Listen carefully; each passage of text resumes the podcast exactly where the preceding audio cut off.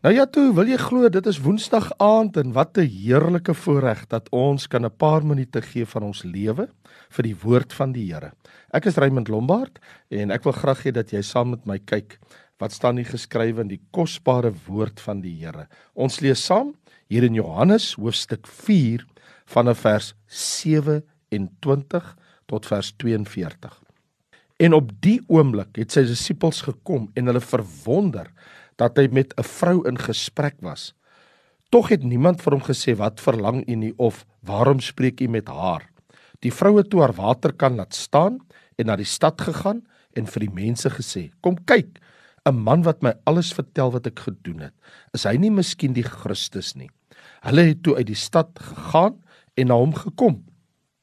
En intussen het sy disippels by hom aangedring en gesê: "Rabbi, eet."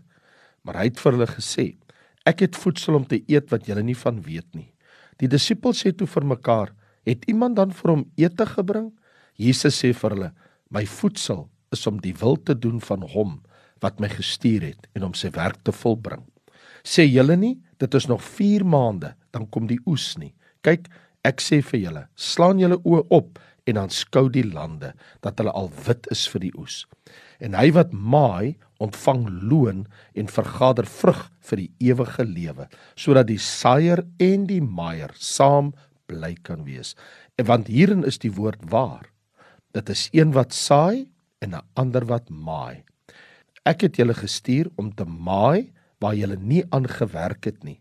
Ander het gewerk en julle het in hulle arbeid ingegaan. Baie van die Samaritane uit daardie stad het in hom geglo oor die woord van die vrou wat getuig het. Hy het my alles vertel wat ek gedoen het.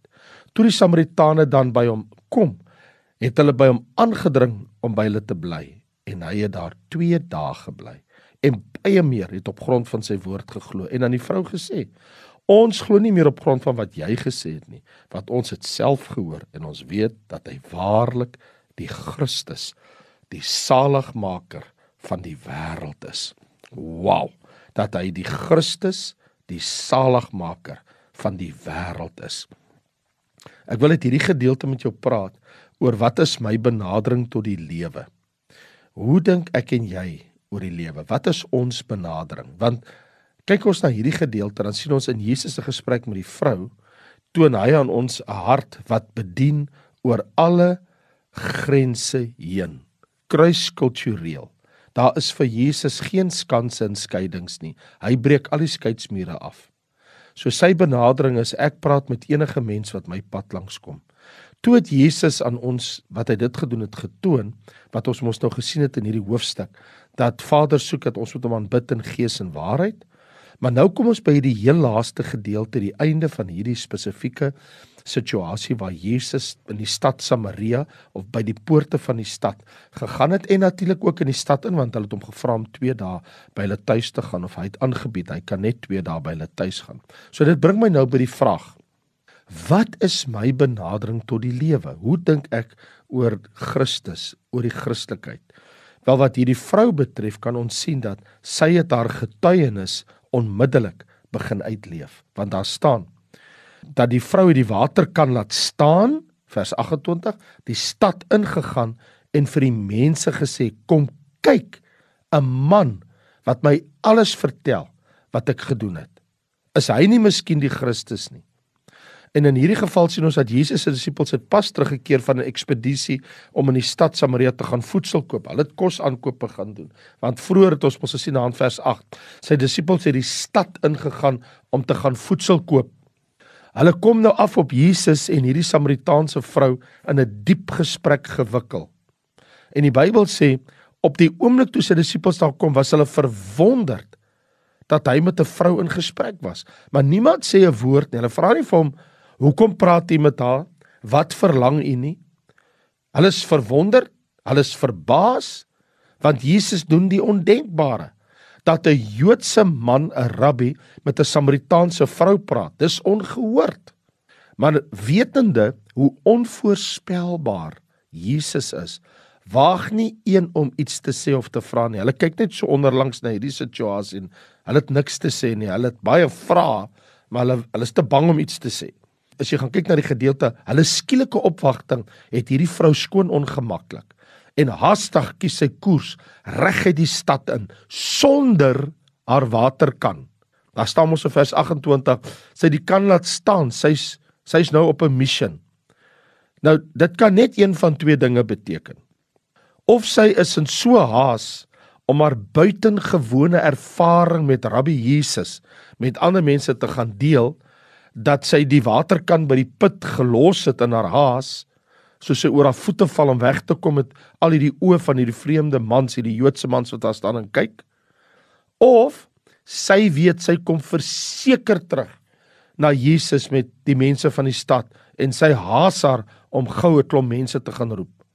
Sy is meer besorg oor die lewende water wat sy nou in haar hart dra as die water wat in die waterkan is of die water wat in Jakob se put is.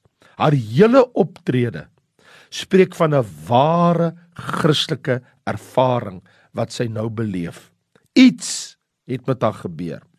En dit het alles begin toe sy geforseer was om haarself te sien soos sy is in haar gesprek met Jesus. En hierdie vrou, sy was so oorweldig deur Christus se vermoë om insig te hê in die diepste van haar wese toe hy vir haar mos gesê het gaan roep jou man en sy sê nee ek het nie 'n man nie Jesus sê maar jy het met reg gesê jy het nie 'n man nie want jy het 5 mans gehad en die een wat jy nou het is ook nie 'n man nie dit het jy met waarheid gesê so instinktief is haar eerste reaksie om haar ervaring, haar ontdekking met hierdie man met ander mense te deel. En verrassend, die begeerte om vir ander te vertel van haar nuwe ontdekking oorheers op daai oomblik haar so en maak tot nuut haar gevoelens van skaamte. Onthou, sy het in die middel van die dag gekom te kom water skep, nie in die oggend en in die aand wanneer daar baie mense by die put is nie. Sy kom wanneer die minste mense daar is. Nou, een ding is verseker. Julle weet en ek weet dat 'n man of 'n vrou mag hulle sonde wegsteek. Maar wanneer Jesus Christus ontdek word as saligmaker, is die eerste instink gewoonlik vir 'n man of 'n vrou of vir 'n mens om te sê, kyk wat ek was en kyk wat ek nou is. Kyk wat Christus vir my gedoen het.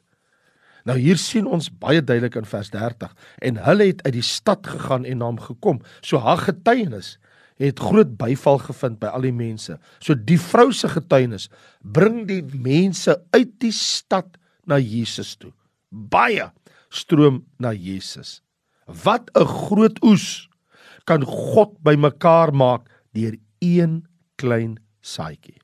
Die tweede ding wat my aangryp in hierdie spesifieke gedeelte in die Bybel is die uitdaging wat Jesus aan sy disippels rig want julle moet onthou hierdie hele gesprek van hoofstuk 4 vers 1 tot en met vers 26 weet hulle van niks nie. Hulle het hom gelos hy was alleen daar by die put en hy het met die samaritaanse vrou baie lank gesprek gehad terwyl hulle inkopies gaan doen het.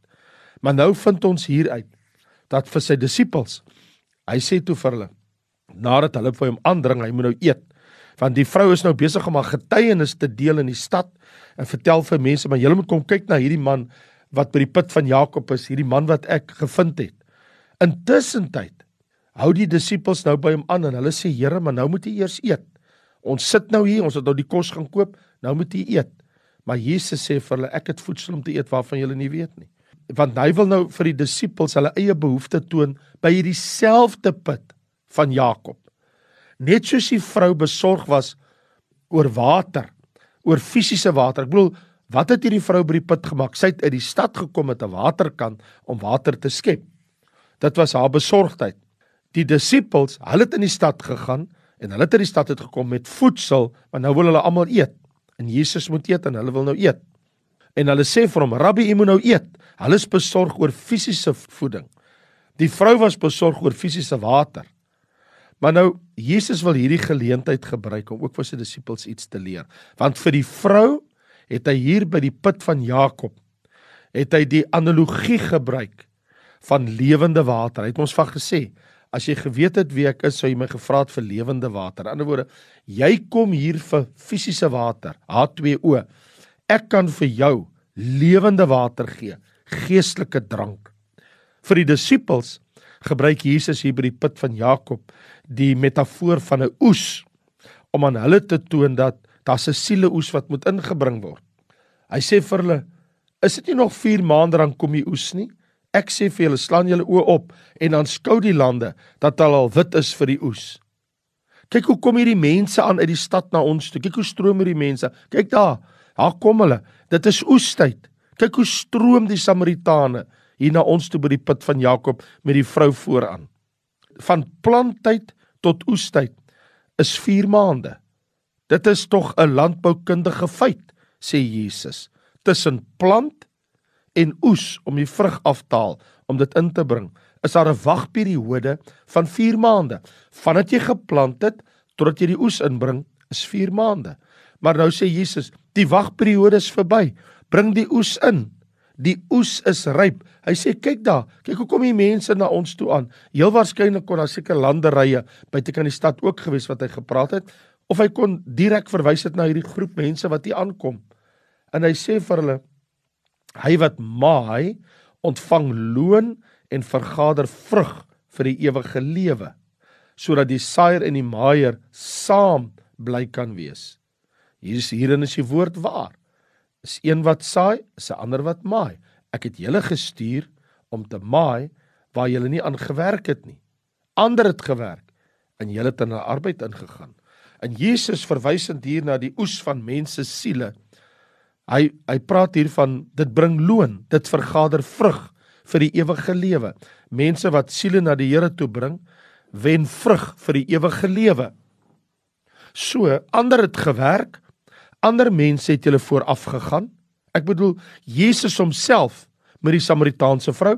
Dis mos nie hulle wat met haar gepraat het nie. Hy het met haar gepraat. Nou het sy die stad ingaan. Kyk al hierdie mense wat sy bring. Dink aan Johannes die Doper. Hy was die wegvoerbinder. Hy het my aan die wêreld bekend gestel. Dink aan die Ou Testamentiese profete. Maar kyk selfs na hierdie Samaritaanse vrou wat hier aankom. Julle het hierdie oes ingebring nie. Julle was in die stad. Julle bring net kos hiernatoe. Kyk al die mense wat hierdie vrou nou hier aanbring. Een vrou, hierdie mense wat stroom uit die stad uit. Selfs hierdie Samaritaanse vrou bring nou 'n oes hier na my toe. Ook ek en jy vandag moet erken. Daar is baie wat ons vooraf gegaan het en die werk gedoen het om die evangelie saad te plant wat voor my en jou die harde werk gedoen het. Ook ons moet goeie arbeiders wees met die sekel in die hand om die rypoes in te bring.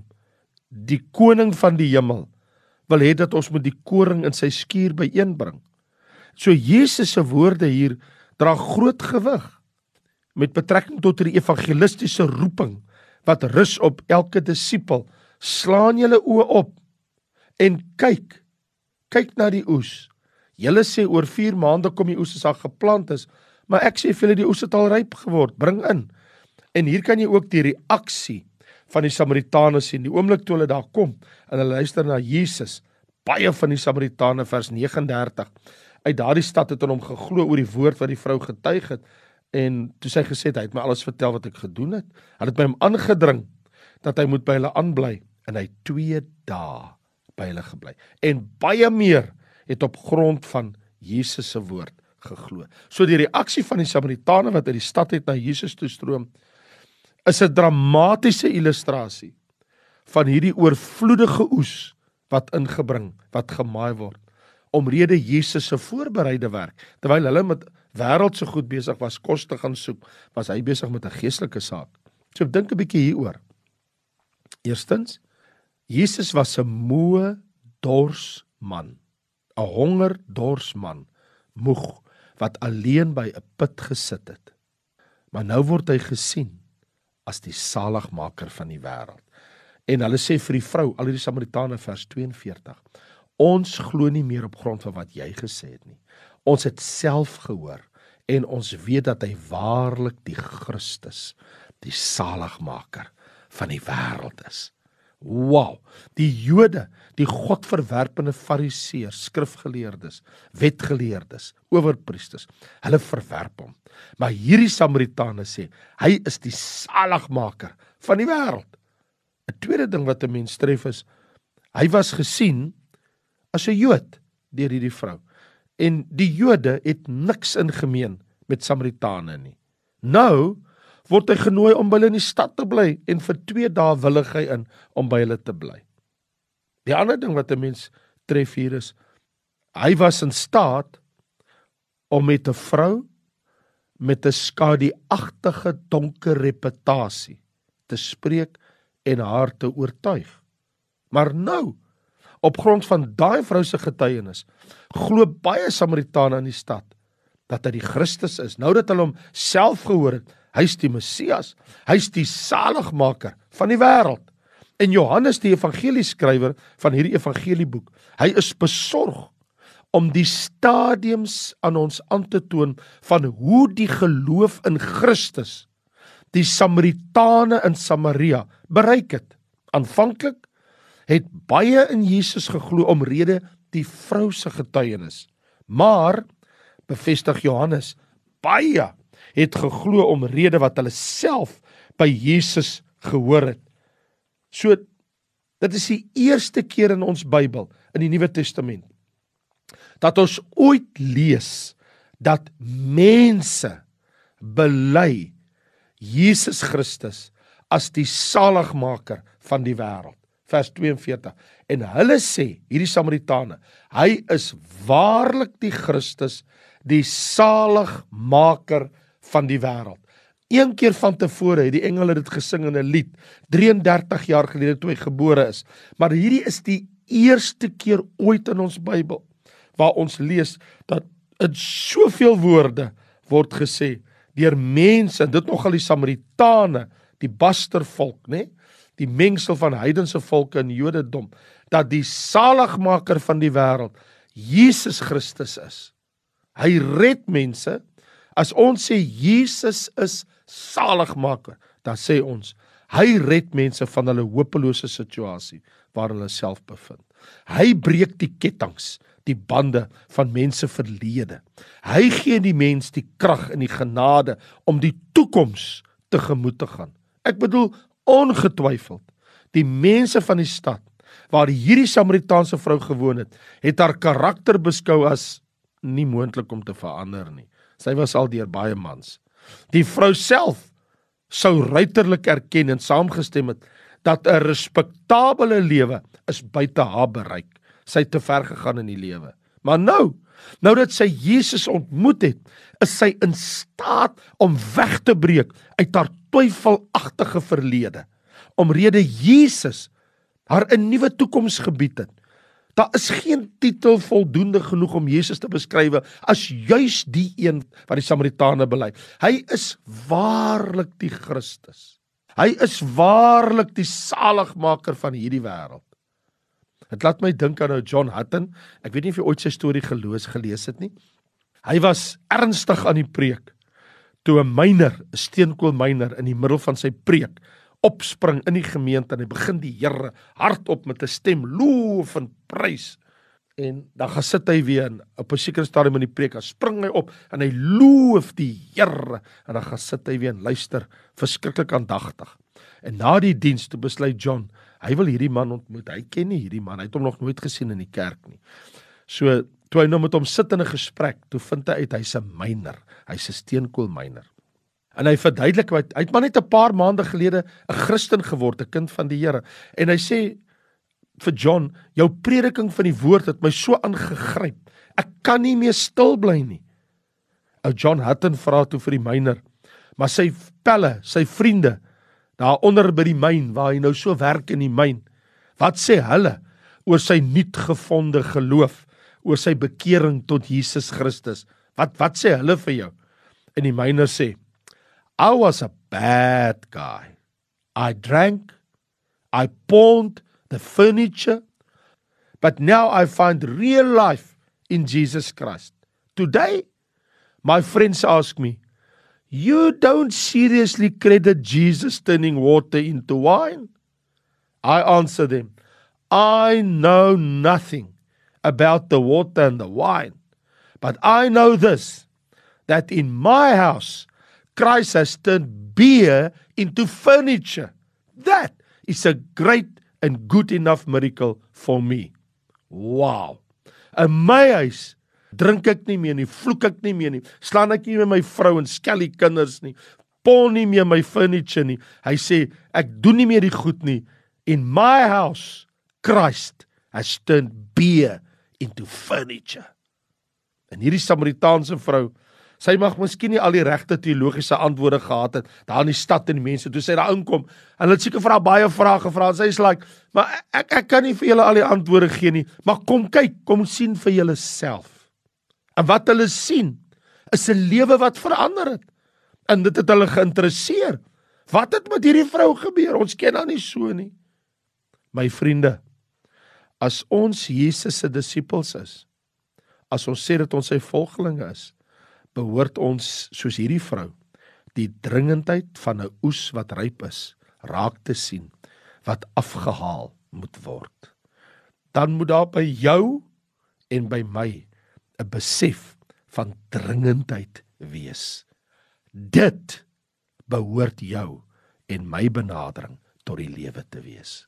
Onthou jy toe ek begin het het ek vir jou gevra wat is ons benadering tot die lewe? Nou kan ek en jy sê my benadering tot die lewe is Jesus Christus my saligmaker wil ek bekend maak. Ek wil vir ander vertel. Yes. Sê julle nie. Kyk, nog 4 maande dan is daar 'n oes. Ek sê vir julle, sê Jesus, slaan op julle oë. Aanskou die lande dat hulle al wit is vir die oes. En die wat werk, ontvang loon. Nie net die ewige lewe nie, maar ook beloning. Laat dit jou en my benadering wees in Jesus naam. Seën vir jou. Sondag aand kuier ons weer lekker om die woord by fokus op die woord en weer volgende woensdag aand. Baie dankie en totsiens. Ek is Raymond Lombard en ek groet vir jou. Mag die koning van die hemel se seën op jou rus. Amen.